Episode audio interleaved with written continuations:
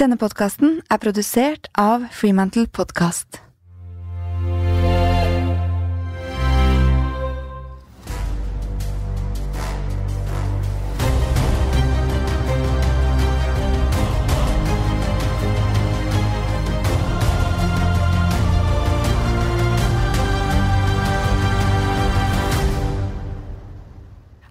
Og velkommen til en ny episode av Grit.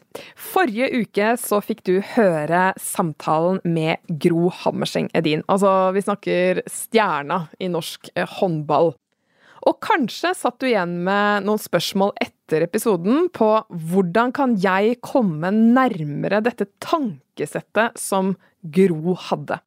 Og det skal vi selvfølgelig se nærmere på i dag, fordi det er masse vi kan lære av håndballspillere og generelt mennesker som har dedikert hele livet sitt til å jobbe godt sammen i team.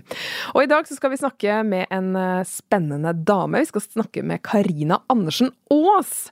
Og for de av dere som ikke kjenner til Karina, så har hun de siste ti årene jobbet med veiledning, mentaltrening, utvikling av prestasjonsteam og ledertrening, både innen næringslivet og i idretten.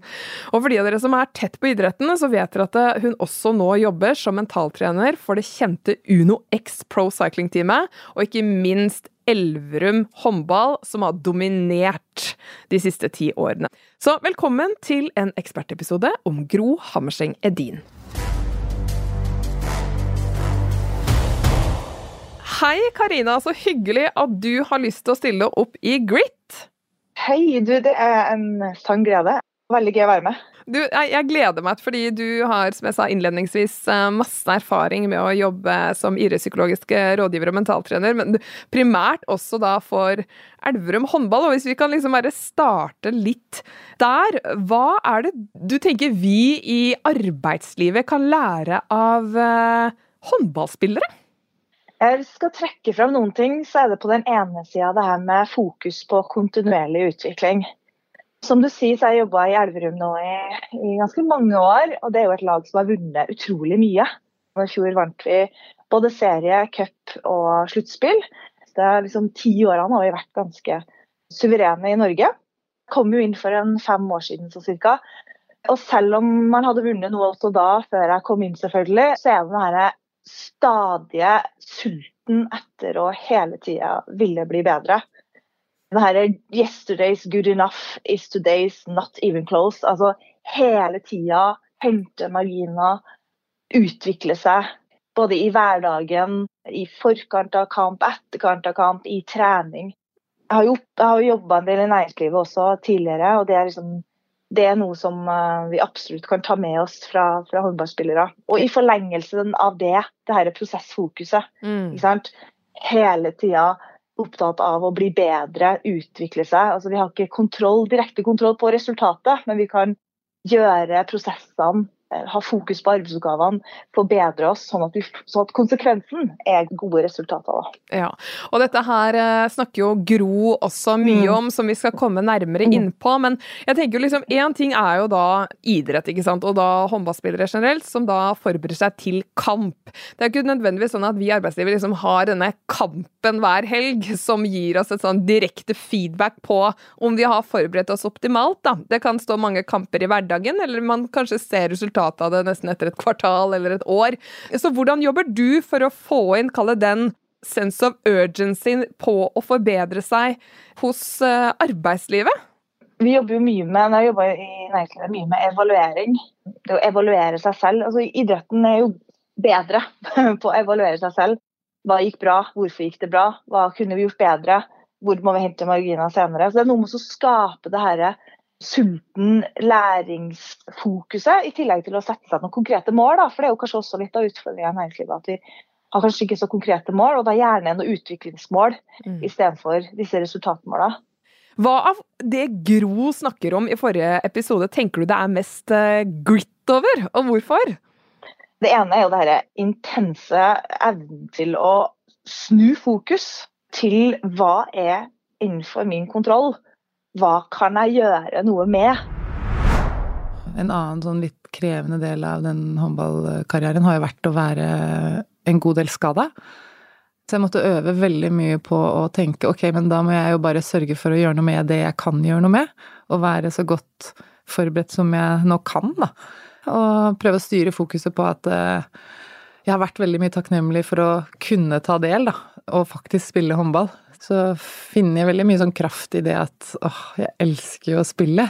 Elsker å høre til laget og være med på det her, sammen med, med det teamet, da. Og hun sier jo sånn jeg må ta tak i ting istedenfor å vente. Så se etter muligheter, se etter løsninger. Rette fokus mot det som gir meg noe positivt. Så hva kan jeg påvirke som er innenfor sin kontroll? Og der er jeg imponerende i flere av historiene hun forteller og eksemplene hun kommer med hun sier det, men det også ligger mellom linjene. Mm. Hvilket historie eller eksempel beit du deg mest merke For oss som ser på på TV, så ser det ut som det har vært mye flyt og, med, og medgang. Men hun har jo hatt noen, noen krevende runder, bl.a. i det OL-et hun snakker om. da. Hun viser til at det er et vi og ikke bare meg. Det her med hva er mine styrker, hva skal jeg bidra med, hva kan jeg faktisk få gjort noe med nå? Så syns jeg hun er ekstremt growth-minded. Det var utrolig morsomt når hun forteller om Anja og hennes kalender. og så sier hun at hun, må, hun har øvd seg på altså hun, hun framer egentlig veldig mange av situasjonene hun møter som en mulighet til å øve og bli bedre. Og Hun sier det også det med at liksom, skadeperioder eller mye skader har gjort at hun må trene på å faktisk være mindre forberedt. Fordi at hun har ikke fått muligheten til å trene så mye som hun hadde ønska. Eller den tilbakemeldinga fra de lagkameratene som faktisk ble noe veldig positivt. Fordi hun lærte. Hun ser innover, da. Hun sier jo det, hun også, at sånn som oss alle andre blir skuffa. Vi blir kanskje litt uh, forbanna når vi får en negativ uh, kommentar eller tilbakemelding. Eller vi syns det er urettferdig. Men hun klarer å snu det. Se innover. ok, Hva kan jeg forbedre? Hvordan kan jeg gjøre dette annerledes? Så, veldig læringsorientert. Ja, veldig læringsorientert, og du nevner jo et stikkord her som er growth mindset. Kan ikke du Karina, si litt om hva et growth mindset eh, innebærer? For det er det ikke sikkert alle som, som vet. Growth mindset det er jo at du har tro på at du kan utvikle evner og ferdigheter. Altså, det er ikke noe statisk. Det er noe du kan utvikle med innsats, hardt arbeid og det å lære seg nye strategier. Så man er opptatt av egen utvikling, det å hele tida bli bedre. Bruke motgang, bruke tilbakemeldinger, bruke feil som en mulighet til å lære. Og det motsatte blir jo da egentlig fixed mindset. Kan ikke du også si yes. litt om det, så kanskje man kan ta litt disse eksemplene der òg? Ja, fixed mindset, da tror man at eh, enten så har jeg en ferdighet, eller altså det er medfødt. Det er litt det samme som du snakker om når du snakker om grit. Er det noe som er medfødt, eller noe, er det noe jeg kan utvikle? Og når man er fixed, da, så tror man at enten så har man det eller ikke. Det gjør jo at vi har liten tro på at vi kan utvikle oss og forbedre oss. Og det gjør at vi blir veldig redd for altså Vi er ikke så opptatt av utvikling, mer opptatt av å fremstå som flink og dyktig. Skjule våre shortcomings. Vi er opptatt av å sammenligne oss med andre istedenfor vår egen utvikling. Så vi blir veldig sånn resultatorientert og også veldig sånn redd for å ikke være gode nok. Ja. Så alle mennesker er begge disse mindsettene, men det er noen av oss som, er, som lærer oss, eller klarer å liksom hele tida ta det valget om å være vekstorientert. Det er ganske naturlig å bli fiksert. Det er ganske naturlig i møte med en tilbakemelding som Gro får, å liksom gå litt i lås. Mm. Og tenke at det her ligger ikke for meg, eller uh, bli flau eller kjenne på skam. Skylde på den andre istedenfor å gå inn i læringsbobla. Og, og hun, sikkert, hun, er jo sikkert innom det også, men hun klarer liksom også å snu og så tenker jeg hva kan jeg lære? Hvordan kan jeg ha et growth mindset i møte med denne tilbakemeldingen? Da? Er det noen uh, siste aspekter rundt det du hørte Gro snakket om, som du tenkte det var også veldig mye grit uh, inni? Ja, når vi snakker om liksom motstandsdyktighet og mental styrke og de tingene, så har man tradisjonelt vært veldig opptatt av individet. Og at det er noen kvaliteter et individ har en kjent forsker da, på motstandsdyktighet, Mustafa Sarkar, han har jo bl.a. funnet, når han har intervjua olympiske eh, vinnere, at dette med sosial støtte er viktig. Og det å vite at man har mennesker man kan lene seg mot, spare med, få hjelp fra. Og det snakker jo Gro mye om. Jeg har nok jobba veldig, veldig mye med den mentale biten både på egen hånd og i kraft av eh, lagkamerater Ja. som har mye erfaring og tyngde, og sparra med noen jeg stoler på. Eh, det å få satt ord på ting man syns er vanskelig. Eh, og så prøver jeg å få folk til å skjønne at du må ha et bevisst forhold til hvem er du avhengig av for å trives. Hvem er du avhengig av for å få ting gjort? Og leit liksom ikke bare sånn på det som er helt innlysende, men gå sånn ordentlig i dybden på leit. Hvem er de folka for deg? Du bruker mennesker rundt seg med mer erfaring, folk som kan utfordre, folk som hun kan dele sårbare ting med. Så hun har et sånn støttenettverk rundt seg. Og det er liksom veldig, veldig innenfor grit. Da. Det å vite hvem er disse menneskene, og det å bruke dem når du har behov for det. Og det er jo noe vi kan oppfordre lytterne til, og egentlig bare prøve å identifisere det nettverket. Eller jobbe litt med å få det på plass. Tenke litt kreativt rundt det, kanskje. Ja, for det første så er det også interessant å tenke hvem kan du være en støtte for? ikke sant? For det også gir veldig mye. Og på hvilken måte kan du støtte andre? Så også reflektere rundt hvilke mennesker kan støtte deg. Og det kan være, de kan ha ulike funksjoner. Noen kan være søppelkassa di, der du egentlig bare kan kaste ut all ener og kalde. Og så kan det være noen andre som har mer erfaring enn deg, som du kan spørre hvis det er noe du står overfor. Og noen andre kan være faglig hjelp også.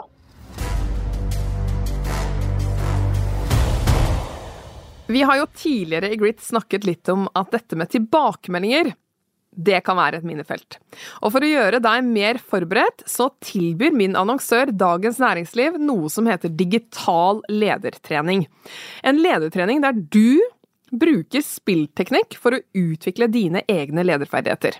Det er rett og slett en simulator du kan bruke til å trene på egne ferdigheter i et visuelt kontorlandskap med visuelle medarbeidersamtaler der du får ærlige tilbakemeldinger. Så du kan med andre ord prøve og feile helt trygt. Man kan jo spørre seg om spilltrening er effektivt, eller om det bare er lek og gaming. Men innholdet og hele metodikken for denne ledertreningen er basert på forskning, og det liker vi i Grit-podkasten. Og det har vist seg at det å trene på ledelse gjennom gaming faktisk virker. Så digital ledertrening er en av flere fordeler du har med et bedriftsabonnement. Og er vel verdt investeringen for bedriften, både for ansatte og ledere. Du finner mer om digital ledertrening og DN for bedrifter på dn.no slash ledertrening. Men du Karina, du har jo god og lang erfaring som mentaltrener, og jeg lurer jo på hvilke konkrete verktøy vil du tipse lytterne om å bruke jevnlig, som gir return of investment? Mm. Når du står i noe som er utfordrende for deg, du kjenner på frustrasjon, eller du, liksom, du, vet ikke helt hvordan du skal komme deg ut av det, og kanskje bruker du masse energi også på noe som kanskje ikke er nyttig for deg, så kan det være lurt å sette seg ned, og så lager du liksom en litt stor sirkel og en sånn litt mindre sirkel. og så Først i den store sirkelen så kan du skrive hva som du bruker tid på som du egentlig ikke får gjort noe med, og som kanskje ikke er innenfor min kontroll. Og deretter liksom se litt om kan det være mulig å akseptere det at det her får jeg faktisk ikke gjort noe med. Jeg kan liksom øve på å slippe det litt, for deretter, da, del to, å skrive inn i den innerste sirkelen hva er innenfor min kontroll. Hva, hvilke variabler er det faktisk jeg kan påvirke? Kan du gi noen eksempler? Ja, så hva er det jeg kan påvirke? Jo, jeg kan, på, kan påvirke mine egne forberedelser. Jeg kan få, påvirke at jeg er vekstorientert. Jeg kan påvirke at jeg ser etter muligheter. Jeg kan påvirke at jeg kan be om hjelp. Men det er ikke alltid jeg kan påvirke bestemmelser i organisasjonen. Eller hva andre eh, gjør. Det er jeg ikke alltid kontroll over. Det er noe med å få det ned på papiret. Gro snakker jo også om det. Det å få skrevet ut. Det kan være en sånn god øvelse, enkel øvelse, for å få liksom, hvor, skal jeg, hvor skal jeg rette energien min? Hvor skal jeg rette oppmerksomheten min nå? Og det skaper jo mye mye mer mestring, og det tar jo kontroll på stress. Så ja, det er veldig mange godord ved den øvelsen her. Fantastisk, Karina. Er det en annen øvelse også du vil eh, anbefale lytterne å, å, teste? Ja, jeg sa jo litt om det i sted. Det her med faktisk å skrive ned hvem som er støtte, altså nettverket ditt. Lag deg ei liste over mennesker som du har rundt deg. Og så er det jo sånn at disse menneskene skal ikke fikse problemet for deg. Eh, det må du gjøre sjøl. Men du kan bruke de til å spare. Eller du kan bruke de til å støtte deg. Eller du kan spørre om råd. Det skal være liksom ulike funksjoner på disse menneskene. Noen med litt mer erfaring, eller også kanskje noen som er yngre enn deg, som du sa, som har noen andre perspektiver. Det kan være noen som er ekstremt god til å lytte. Eller det kan være noen som er ekstremt god til å stille spørsmål. Mm. Som egentlig er litt sånn ubehagelig, men de er godt for oss. Mm. Så det er noe med å lage seg en sånn liste. fordi at det vi ser, er at det er lurt å vite det på forhånd. Fordi at når vi står i situasjonen, så, så har vi en liten tendens til å gå i vår egen boble og bli sittende der. Mm. Liksom vanskelig å søke etter hjelp. Sånn at det å ha definert hvilke mennesker dette er på forhånd, kan gjøre at vi liksom kan bare ta fram den lista, og så bare er det enklere å take action. da. Men jeg må spørre deg, for du sa jo et interessant stikkord tidligere, og det var måten var god på å frame ting på. Og jeg tenker kanskje at lytteren ikke nødvendigvis er kjent med begrepet frame. Kan ikke du si litt eh, hva, hva, du legger i framing, og hvordan lytteren kan anvende faktisk den, den, teknikken, for det er jo det det er? Ja, altså framing det er jo liksom å, å prøve å endre ramme, endre perspektiv. Prøve å se ting fra, fra noe annet, da, fra problem til å se mulighet. Eller fra å se svakhet til å se styrke. Altså vi forsøker å se ting på en litt annen måte. Vi rammer det inn med en ny ramme. Vi bytter ut den gamle og setter, setter, henger opp bildet med, med, en ny ramme. Da. Og Det er en sånn god mental teknikk å liksom trene på, for vi blir jo liksom tatt av følelser. Og, og de er jo sterke noen gang, og så blir vi litt sånn blinde. Det går også an å bruke rollemodeller. Altså, Hva ville Gro tenkt nå? Ofte så klarer vi ikke helt å gjøre det selv, men hvis vi liksom ser opp til noen mennesker eller det er noen mennesker som har litt andre perspektiver enn oss, så OK, hva ville den tenkt, eller hvilket perspektiv ville den valgt? Sånn at vi øver litt på å se situasjonen vi står i, da. Eh, fra ulike perspektiver. Jeg har hatt en tidligere gjest her i programmet, jeg skal ikke si hvem det var, som sa faktisk at uh, teknikken hennes det var å tenke 'what would Beyoncé do'? så det er jo faktisk også en form for framing. Hun hadde tydeligvis sin rollemodell der. Veldig, veldig gøy. Karina, og så var det en siste ting. Du snakket om viktigheten av å finne en aksept og slippe disse mm. tingene som er utenfor vår egen kontroll. Mm. Og jeg tror at det, liksom, er der det stopper oss veldig mange, da. Dette er en beslutning som er tatt fra øverste hold i organisasjonen, og nå har jeg på en måte to valg. Jeg kan akseptere det og jobbe ut fra det, eller jeg kan eh, stritte imot det. Men det er vanskelig kanskje å komme der hvor det lander i magen, og det er liksom noe vi aksepterer. Hvordan komme raskt til aksept?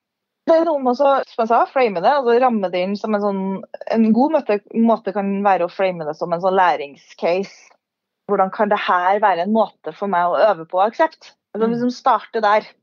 Og så, ok, hva er aksept, da? Det er jo ikke at jeg nødvendigvis må like det eller stemme for beslutningen, men det er noe med å stå i det og liksom håndtere det. Og hva er egentlig best for meg selv også?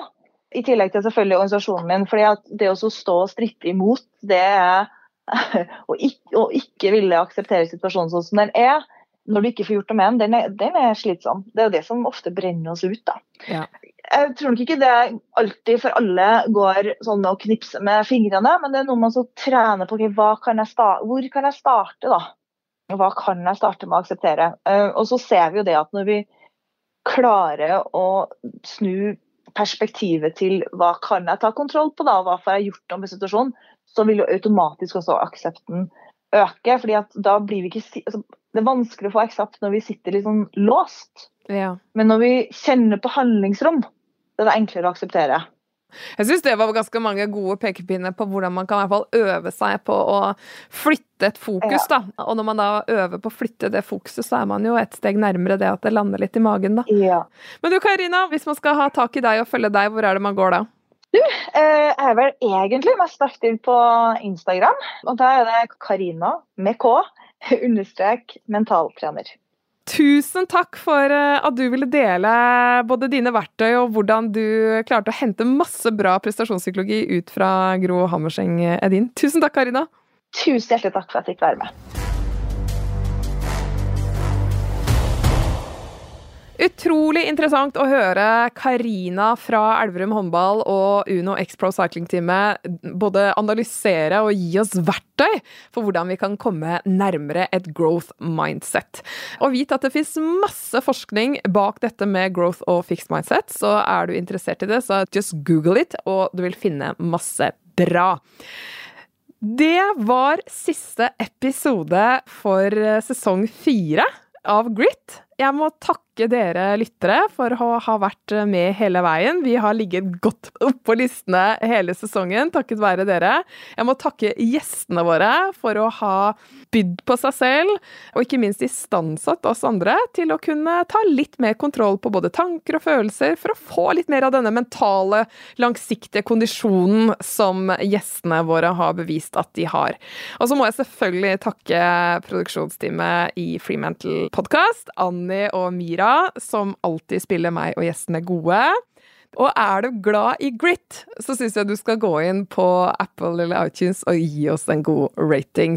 Og så er vi tilbake med en sesong fem med mange spennende gjester. Jeg ønsker deg en nydelig førjulstid. Vi snakkes!